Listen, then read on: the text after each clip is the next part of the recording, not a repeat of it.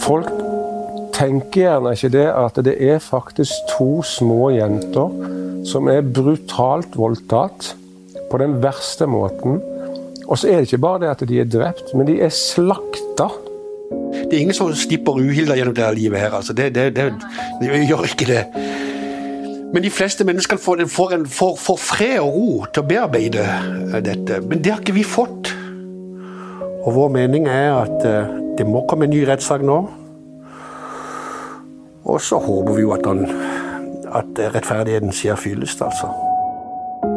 Jostein Sørstønen og Arne Bernt Paulsen opplevde at de to små døtrene deres, Stine Sofie og Lena, ble revet bort i Baneheia i 2000.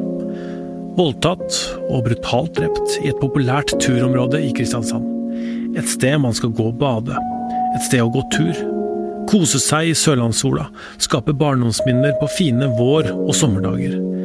Et sted man skulle ha vært trygg. Hvordan blir livet etter noe sånt? Hvordan har de støtta hverandre og funnet styrke i hverandre når ting har vært som mørkest? Og hva håper de vil skje nå, etter at saken mot Viggo Kristiansen er åpna igjen? Dette er Krimpodden. Jeg heter Tor Erling Tømtrud.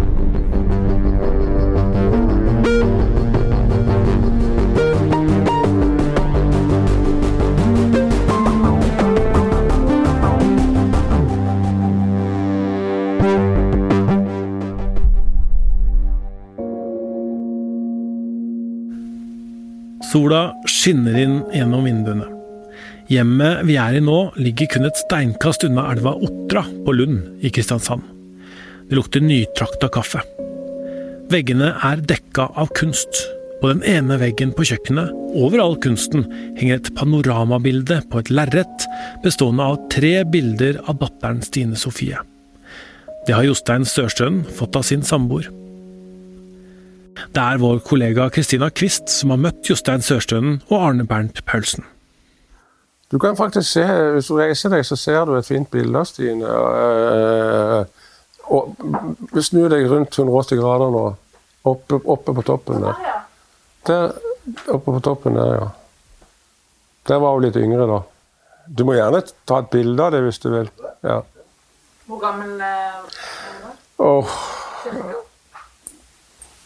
Der kan jeg bomme litt, altså. Kan det, være, kan det være fire der?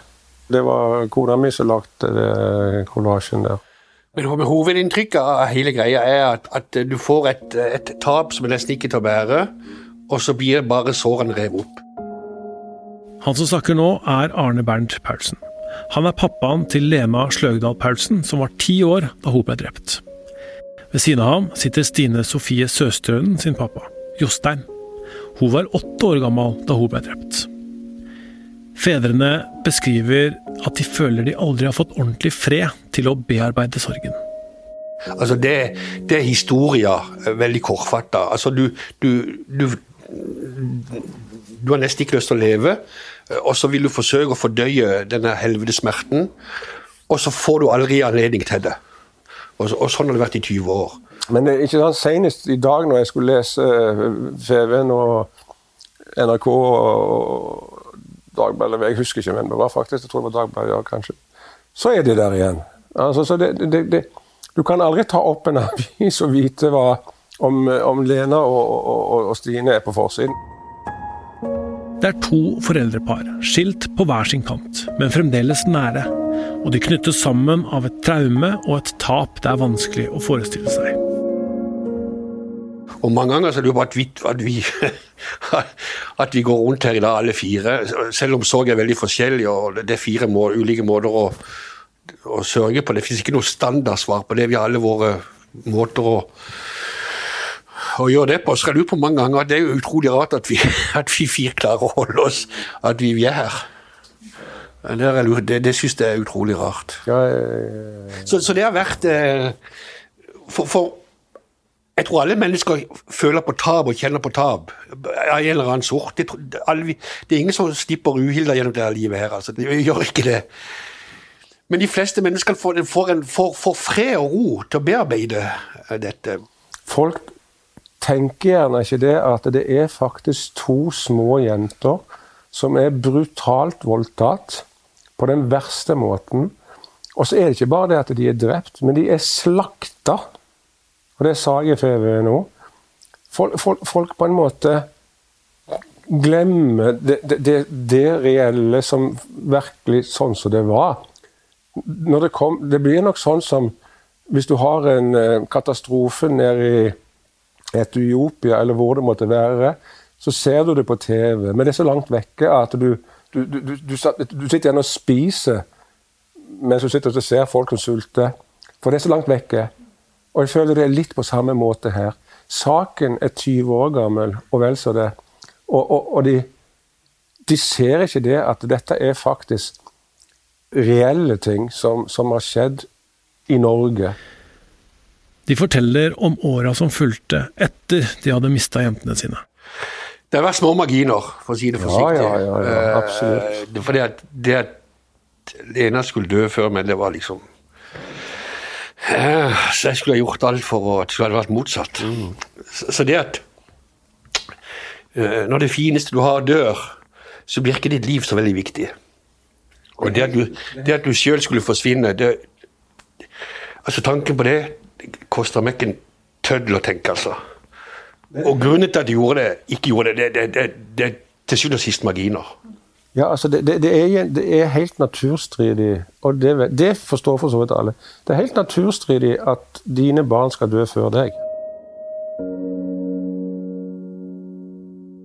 Nå har Gjenopptakelseskommisjonen beslutta at drapsdømte Viggo Kristiansen skal få gjenåpna saken sin.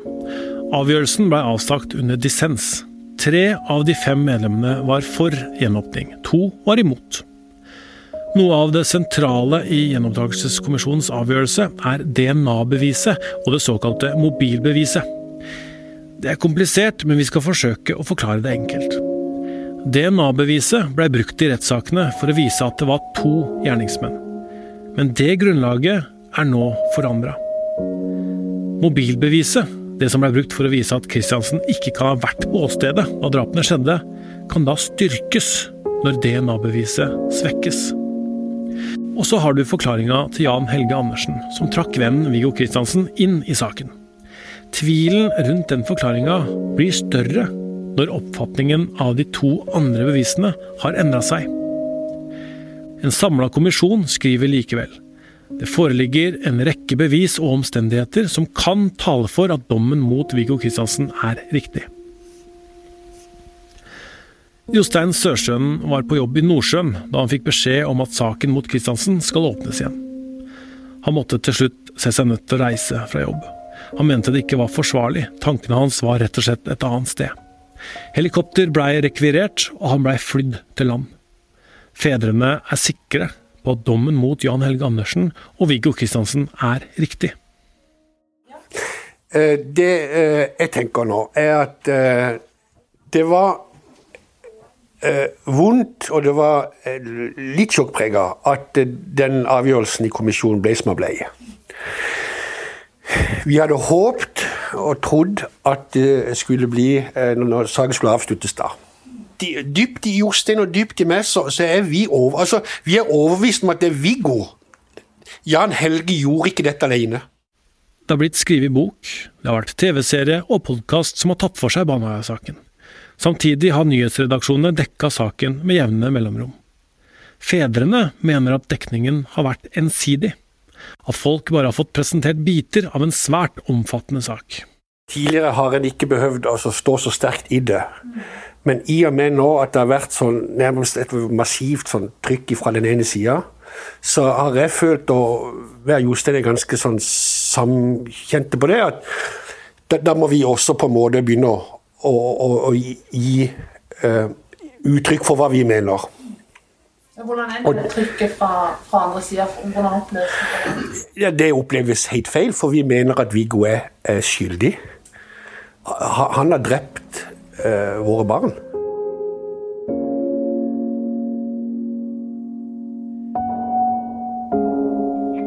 Jeg ringer eh, Arvid Sjødin, som er eh, advokaten til eh, Viggo Kristiansen. Skal vi se Ja, hører du meg nå? Ja, jeg hører deg. Så fint. Sitter du i bilen? Ja, jeg kan, jeg kan stoppe hvis, du, hvis det er for mye støy. Nei, men det høres greit ut, det.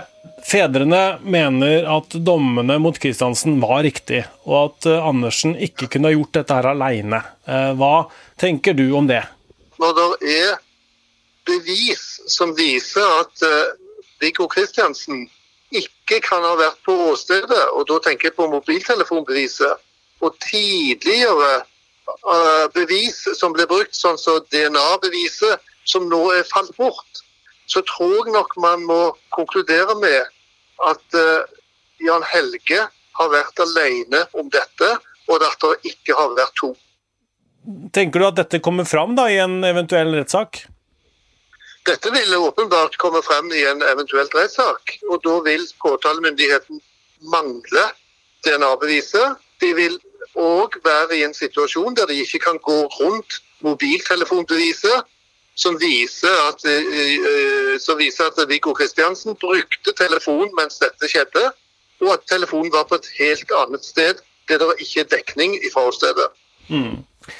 Fedrene sier til oss eh, at de opplever at eh, dekningen i media har vært eh, for ensidig. At den da har talt Kristiansens sak. Syns du den har vært ensidig? Jeg vil si det at etter hvert som mediene har fått klarhet i hva som ligger bak dommene mot Viggo Kristiansen, så har de nok falt ned på den konklusjonen at her er det gjort feil, og at Viggo må få gjennomtatt sin sak. Og På den måten så vil jeg anse det som eh, slik at det har vært en ensidig reaksjon fra pressen etter hvert som vitene er kommet til. Og i 2000, hvordan var pressen da? Pressen i 2000 var jo ensidig for at dommen var riktig, og det var jo en, selvsagt en feiltolkning av DNA-resultatet, som da kom i stedet for eh, eh, telefonbeviset.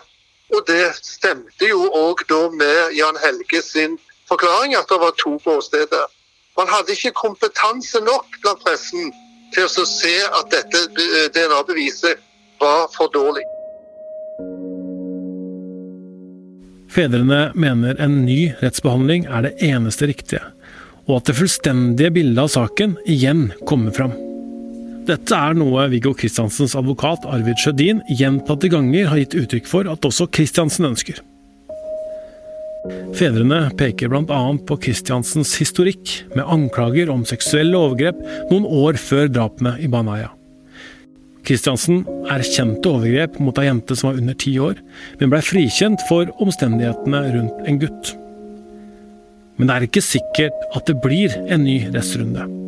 Hvis påtalemyndigheten bestemmer seg for å opprettholde tiltalen mot Kristiansen, må alle parter trolig regne med en omfattende rettssak. Skulle påtalemyndigheten derimot kaste korta og tenke at de ikke har bevis som er sterke nok, så kan saken bli avgjort på langt enklere vis. I så fall kan dommerne avsi frifinnende dom uten at det avholdes en full rettssak. Og Vår mening er at eh, det må komme en ny rettssak nå. Og så håper vi jo at, han, at rettferdigheten skjer fyllest, altså. Fedrene klarte ikke være til stede da rettssakene gikk tidlig på 2000-tallet. Det blei for tøft, men de er klare på at de vil denne gangen, hvis saken når rettssalen. Hvordan vil det være for dere å skulle gå gjennom en, eh, en, en helt ny rett? Jævlig. Helt klart jævlig. Men det med at vi nå prater sammen med Klara og Ada, og er blitt enda mer sammensveist, sammen med de to advokatene, Håkon Brekkhus og, og Audun Bekkstrøm altså alt, det, alt disse her tingene styrker oss. Og jeg tror det at eh, vi, Som Arne Bernt sa tidligere altså, Jeg tror dette styrker oss nå. Altså nå, nå, er vi vel som Jeg tror det var vel kanskje tittelen på den um, i FV-en. Det var vel at 'nå er vi klar til å kjempe'. Og det tror jeg vi står for, Arne Bernt. Altså nå, ja, ja, men det for all del. Vi skal, det det. For all del. Men det kommer, det kommer, til å bli noen tøffe stunder der i den rettssaken. Når, når, når, de går inn på detaljnivå og forteller oss uh, hvor du igjen må åpne skalker og luker og, og ta inn over det, det, du faktisk hører om spesielt det som omhandler eh, selve eh, d- drapene. Altså, ja. det, det, det vil være en sekvens som, som jeg, jeg skjønner ikke helt hvordan jeg skal komme gjennom det. Mange av de andre som er tekniske ting, altså og, om mobilbevis og, eh, og, og eh, DNA-bevis altså Alle disse tekniske tingene, det kan vi lytte til. Men når, det kommer en eh, altså, eh, skildring av hva som faktisk skjedde, så tror jeg det vil bli eh, forferdelig vanskelig å komme gjennom. Men vi har sagt denne gangen at vi skal, vi skal gjøre alt vi kan for å klare det, og vi vil gjerne være eh, Vi vil være der for å være sammen med våre eksmødre. Uh, og, og så vil vi, uh, vil vi uh, se noen personer i øynene.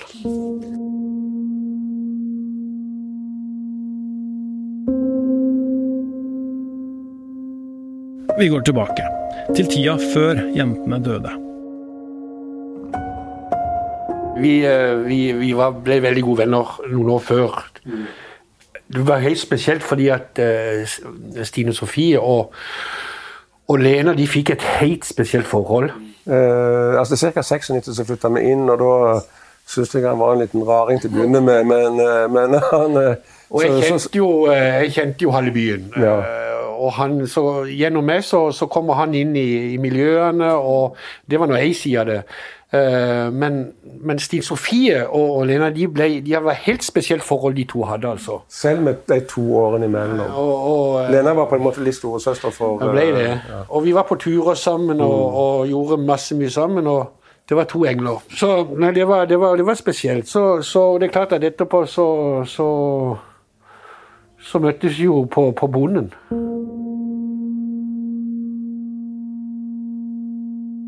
Den dagen da jentene ble drept, var begge på besøk hos pappaene sine, som bodde i samme bygg, rett nord for Kristiansand sentrum. Jostein forteller om en fin dag der jentene var glade for å se hverandre.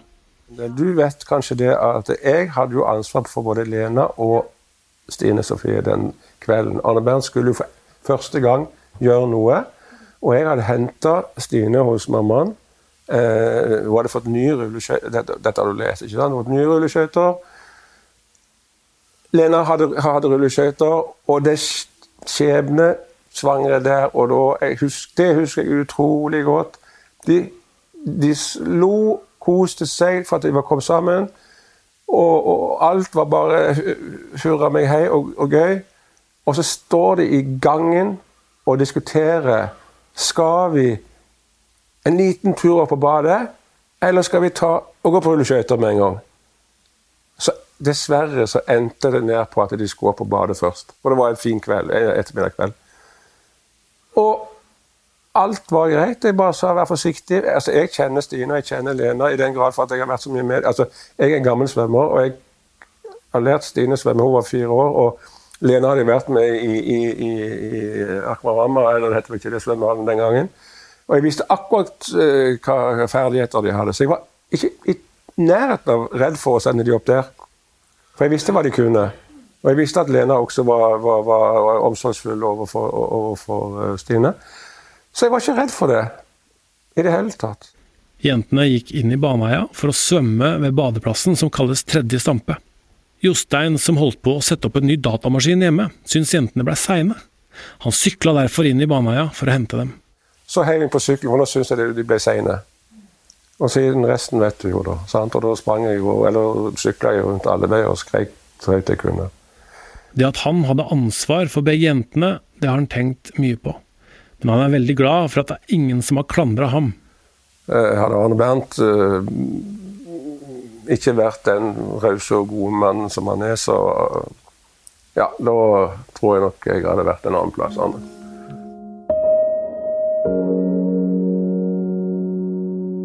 I to dager var jentene savna. Mange meldte seg for å leite. Det var mange innslag på nyhetene om forsvinningen. Heimevernet og Røde Kors organiserte leiteaksjon. Alle spurte seg hvor er de, og hva er det som har skjedd? Det gikk opp for foreldra at noe galt måtte ha skjedd med de to jentene. Det var helt unormalt at de ikke var kommet hjem igjen. Da tenkte jeg da, da, jeg, tror jeg, jeg tror jeg skjønte veldig tidlig at dette var galt, altså. Et eller det, det Jeg tror jeg skjønte det veldig tidlig, og da, da, gikk, jeg, da gikk det i svart for meg. altså. Du fikk vel all verdens uh, scenarioer i hodet. Men akkurat du fikk, Det kan jeg si, i hvert fall ikke det som skjedde, var i hodet. For det, det kunne ikke du forestille deg. Men at det hadde skjedd noe, noe, noe, noe vondt og noe dramatisk, det, det, det var jeg nå ganske sikker på.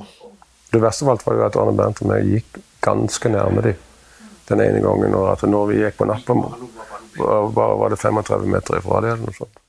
Venner og kjente av foreldrepara stilte også opp for å leite. Når helikoptrene Altså, så ble jo eh, Var jo halve byen under leida. Og da, da, da, da, da lå jeg i senga, rett og slett. Da, da lå jeg i fosterstilling, rett og slett. Da, Da du ja, da var ikke jeg i stand. Da, da var jeg i fosterstilling. Da, da tror jeg, jeg jeg skjønte at de var døde. For hun ville aldri Hun ville aldri være borte fra meg. Altså, sånn var det. Altså, hun ville ikke kom alltid hjem. Ja, vi var alltid sammen. Jentene blei til slutt funnet. Voldtatt og drept, og deretter forsøkt skjult. Men du spurte om hvor vi var hen. Jeg vet hvor jeg var. Jeg tror jeg vet hvor jeg var, for jeg tror jeg var hjemme. Og jeg husker at jeg, jeg, jeg klarte å kjøre bilen ned til politikammeret, for vi fikk ikke beskjed. Vi fikk bare beskjed at vi skulle få, vi skulle få en beskjed. Og da skjønte vi vel Jeg vet ikke hvor du var henne, men jeg kjørte iallfall ned. Og jeg aldri, er på politihuset. ned på politiet, så jeg har aldri parkert så skjevt i hele mitt liv. Jeg heiv den opp på et fortau rett ut forbi politihuset. Eh, bilen sprang inn og fikk beskjeden.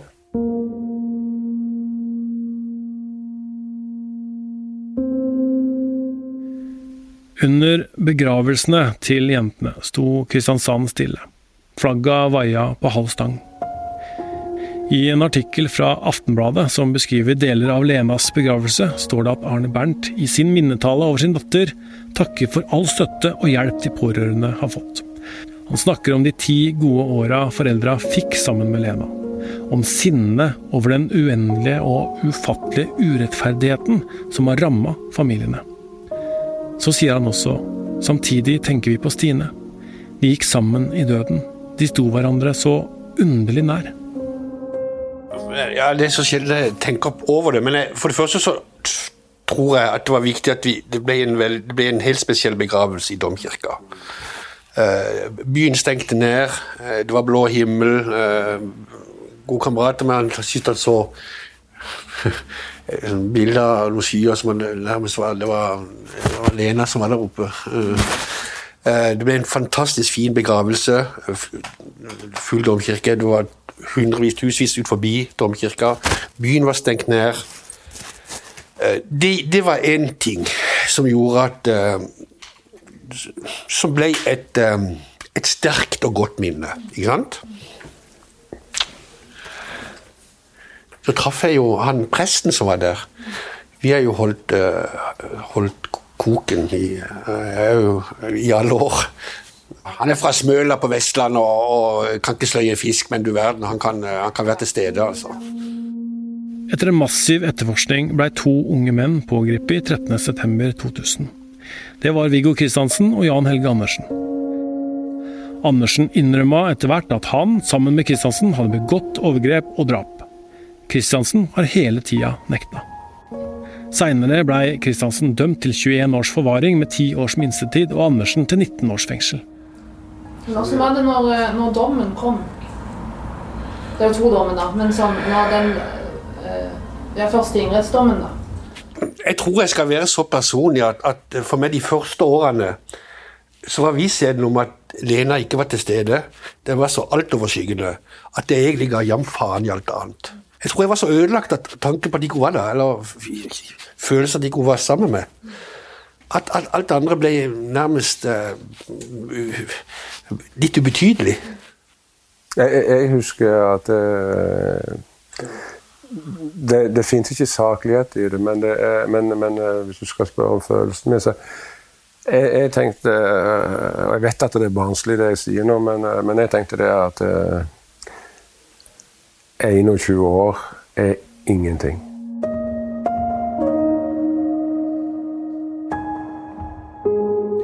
Opp gjennom åra har disse pappaene blitt spurt gjentatte ganger om de ikke føler for å ta hevn. Mange sier hvis det hadde vært mitt barn, så Men det, det, igjen må det jo sies det at vi, vi, vi, vi tror jeg vi vet innerst inne at vi, har, vi har tapt så mye i gang at hvis vi skulle gå rundt og kjenne på hevngjerrighet hele tida, så hadde vi faen meg tapt det en gang til. For det spiser deg opp innifra når en, når en har uh, Si det her i dag. Så skyldes det også at uh, en har hatt noen uh, veldig nære folk. Jeg har, jeg har fått en samboer, jeg har fått en datter, jeg hadde ei fantastisk mor. Så vi har jo hatt noen rundt oss, uh, betydningsfulle folk, og, og, som har gjort at livet blir verdt å leve. Og, at, og, du, og ikke bare at du av og til også føler tidvis at du har et ok liv. Ofte tenker fedrene på hva døtrene deres hadde gjort nå. Hadde de vært i live, hadde de vært rundt 30 år begge to. Jeg tenker jo ofte ikke sant, på en god dag som, som Ja, nå er jeg jo så gammel, hva har du gjort nå? Har du fått seg et Har du, har du hatt mann og barn? Hadde jeg vært bestefar? Altså, så det, det er jo også når du åpner en dør og du slipper inn den type tanker, så blir jo det også forferdelig vondt å tenke på.